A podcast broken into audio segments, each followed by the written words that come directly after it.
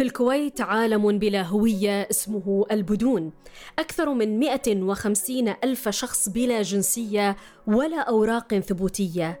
12 ألف طفل غير مسجلين في الدولة أغلبهم بلا تعليم ولا حقوق ولا وجود اعتباري. تخيل لو كنت مكان أحدهم مولود على أرض بلد لا تعترف بك مواطنا فيما أنت لم تعرف غير هذا المكان موطنا. هو وجع بدون الكويت الذي سيحدثنا عنه النشط الحقوقي الأستاذ عبد الصمد التميمي القادم من رحم هذا العالم. أهلا بك عبد الصمد. أنت آه، من البدو أنت ناشط حقوقي ومن وقادم من رحم هذا العالم عالم البدون. أخبرني ماذا يعني أن تكون من البدون في الكويت؟ بالحقيقة والواقع عندما تكون أنت من أحد أفراد البدون أنت تعيش المأساة منذ ولادتك على أرض الكويت. بمعنى عندما يولد هذا الطفل البدون من هنا تبدأ صرخة الحياة التي ينزل بها ومن ثم تبدأ المعاناة منذ هذه اللحظة اللي الذي يعنيه لم يصدر له بلاغ ولادة إلا في أضيق الحدود وتكون كل البيانات غير موجودة على بلاغ الولادة. وتبدأ الطامة الكبرى عدم تسجيله في وزارة الصحة كمولود لأب وأم من البدون أي أنه لا يحق له أن يحمل شهادة ميلاد. أخبرني عن قصتك. 1937 والدي ولد ومنذ ذلك التاريخ التحق تقريبا منذ عام 1952 في دائرة البلدية قبل أن تكون الكويت قد نالت استقلالها ومن ثم كانت هنالك دولة سوف تنضم إلى هيئة الأمم المتحدة في آه، عام 1961 عندما نالت استقلالها من الانتداب البريطاني في ذلك الوقت ومن ثم انضمت إلى هيئة المتحدة عام 1963 في 52 والدي كان عمره تقريبا 15 إلى 16 سنة. عمل في هذه الدائرة دائرة البلدية وهو كان يكتب له كويتي.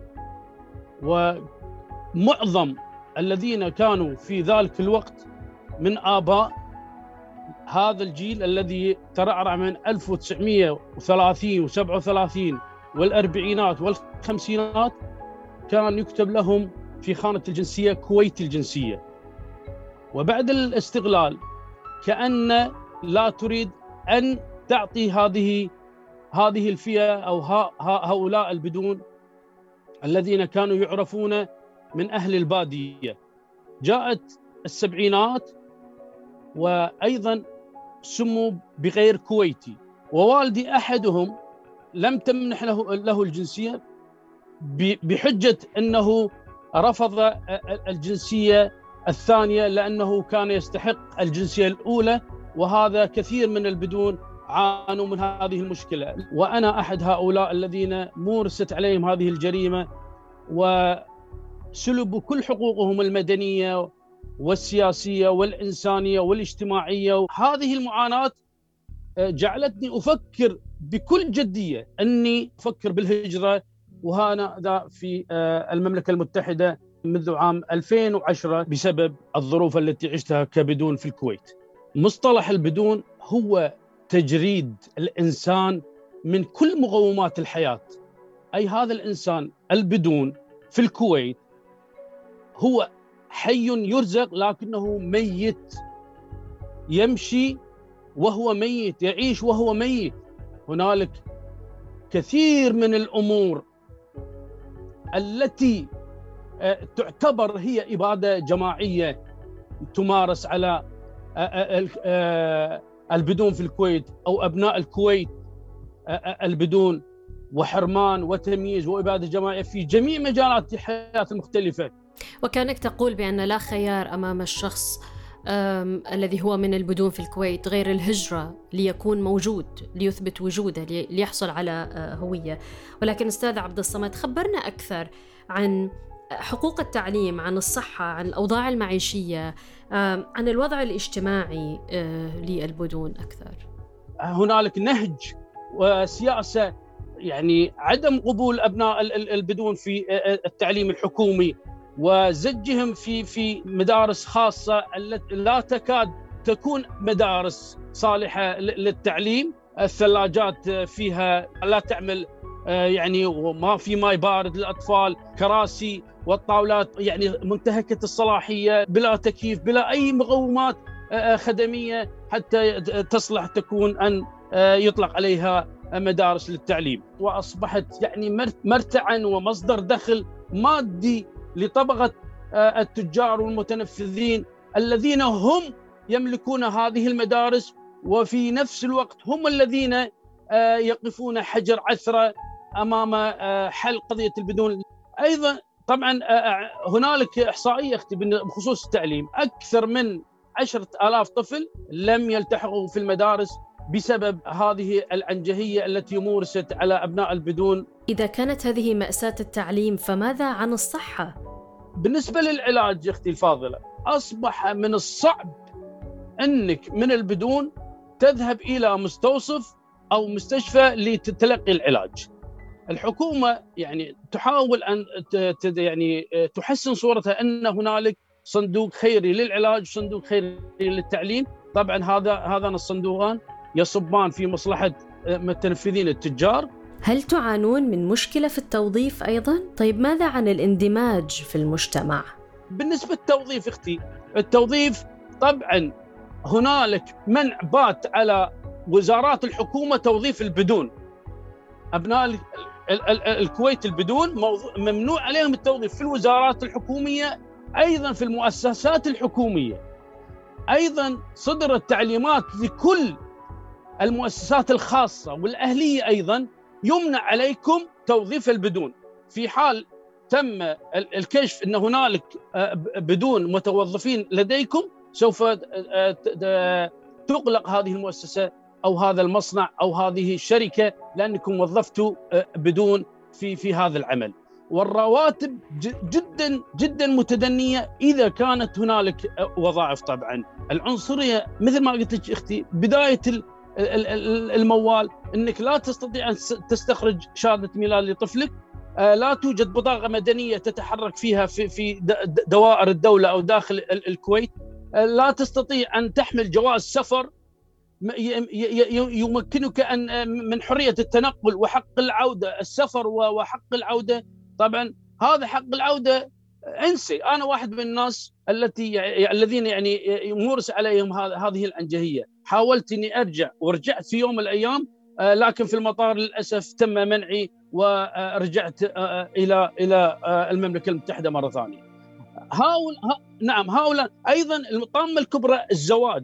هنالك آه، آه، يمنعون الزواج آه، في في كثير من الأمور ويحاولون أن يعرقلون هذا الزواج.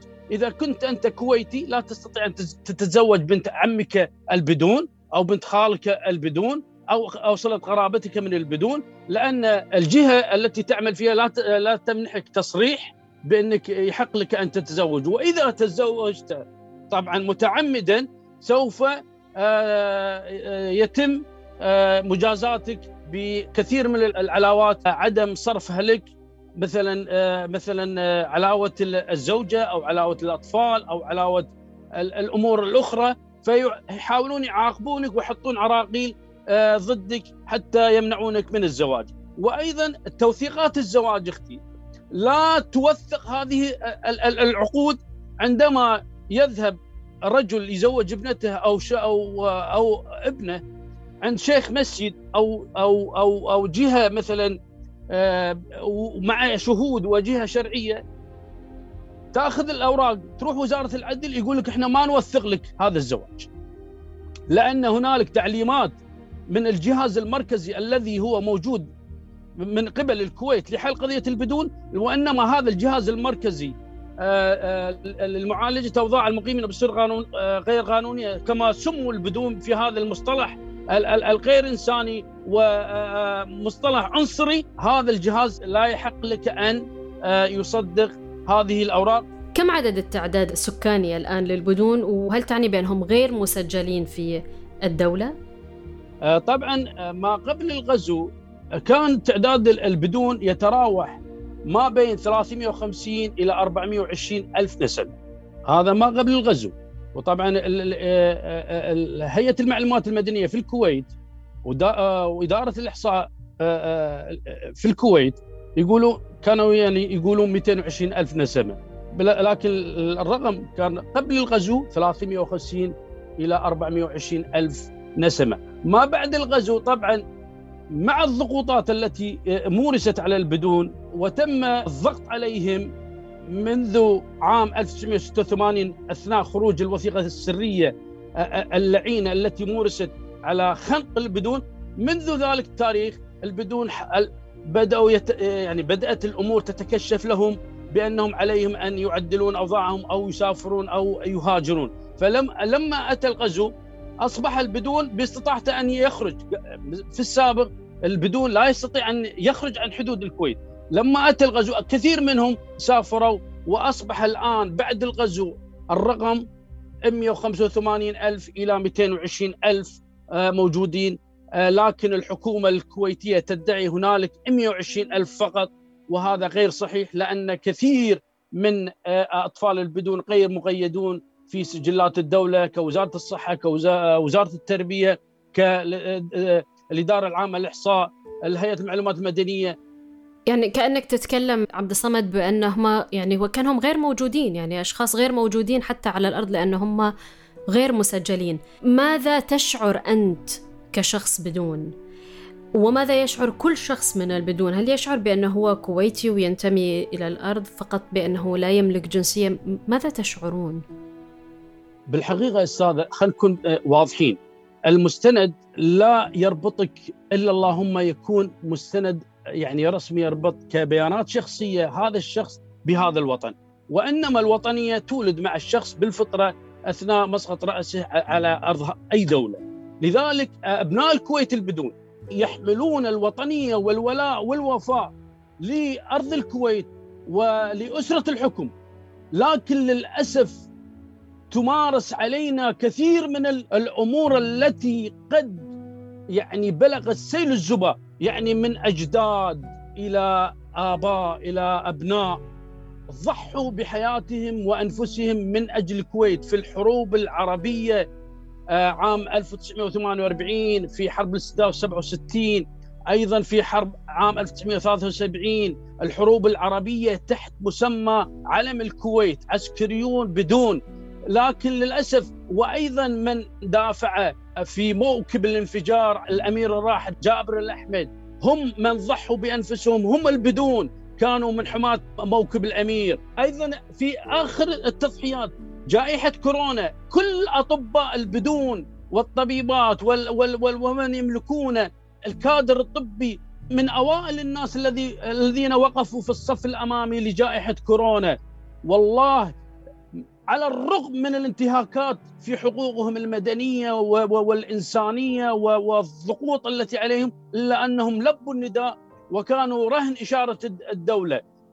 نحن البدون أوفياء لهذا الوطن ولأسرة الحكم، لكن للأسف من يدق الأسفين ما بين آه، حقوق البدون وتضحيات البدون ووفاء البدون آه، آه، ويحاول أن يشوه الصورة هم المتنفذون العنصريون الذين يملكون كل زمام وأمور إدارات الدولة ومؤسساتها ومن وزراء أيضا.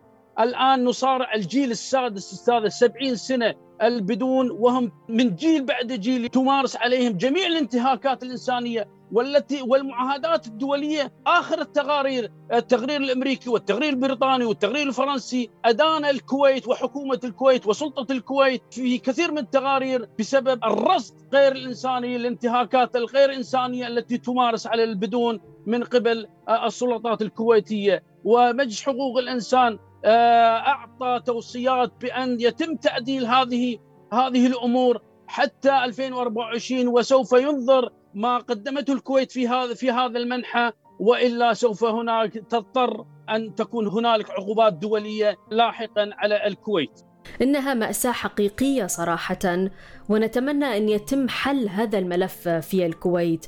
أستاذ عبد الصمد التميمي وأنت الناشط الحقوقي الكويتي شكرا لك لأنك شاركتنا عالم البدون وشكر لكل من استمع إلى حلقة ديوان لهذا الأسبوع. معي أنا وفاء العم في التقديم والإعداد ومع الزميل فتحي أحمد في الإخراج والتنفيذ الصوتي. وإلى لقاء قريب.